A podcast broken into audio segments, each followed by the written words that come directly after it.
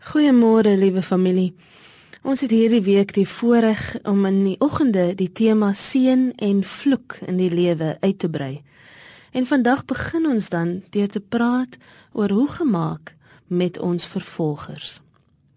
Wanneer ons diep seer gemaak is deur 'n ander persoon, is dit byna onmoontlik om nie vyandige gedagtes, gevoelens van kwaad of haat, wraaksug te hê nie. Dit gebeur dikwels heel spontaan sonder veel innerlike beheer. Ons vind net dat ons broei oor wat ons sal sê of doen om daardie persoon terugseer te maak. Om in sulke situasies seëninge in steede van vervloekinge te kies, vra vir 'n enorme geloofsprong. Dit vra vir 'n vir 'n gewilligheid om verder as al ons begeertes vir wraak te kyk en eerder 'n lewegewende respons te bied. Soms lyk dit onmoontlik. Maar elke keer wanneer ons verby ons gewonde wesens beweeg en op ons Godgegewe wesens fokus, gee ons lewe, nie net vir onsself nie, maar ook vir diegene wat ons beledig het. Die apostel Paulus skryf aan die Romeine in hoofstuk 12 verse 14 tot 21: Seën jou vervolgers. Moet hulle nooit vervloek nie. Seën hulle moet nooit kwaad met kwaad vergeld nie. Moet nooit wraak neem nie. As jou vyand honger is, gee hom iets om te eet. As jou vyand dors is, gee hom iets om te drink. Moenie toelaat dat die bose jou heerser word nie.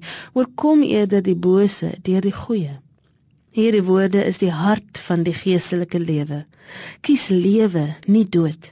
Kies seëninge, nie vervloekinge. Maar wat hier van ons gevra word, gaan teen die grein van ons menslike natuur.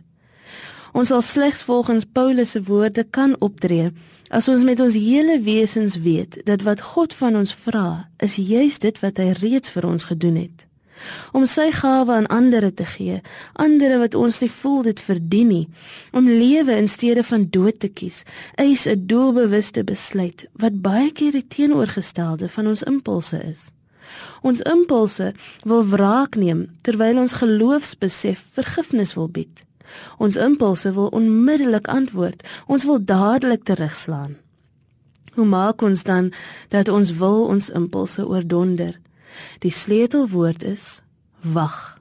Wat ook al gebeur, skep ruimte tussen die ontstellende gedrag teenoor jou en jou respons tot die gedrag. Neem 'n tree terug. Distansieer jouself. Neem tyd om te dink. Praat daaroor met vriende en wag totdat jy gereed is om op 'n lewegewende manier te antwoord. Impulsiewe gedrag laat toe dat dit wat boos is, die oorhand oor ons kry. Iets wat ons altyd oorspyt sal wees. Maar 'n goed deurdagte respons sal ons help om self die bose deur die goeie te oorkom.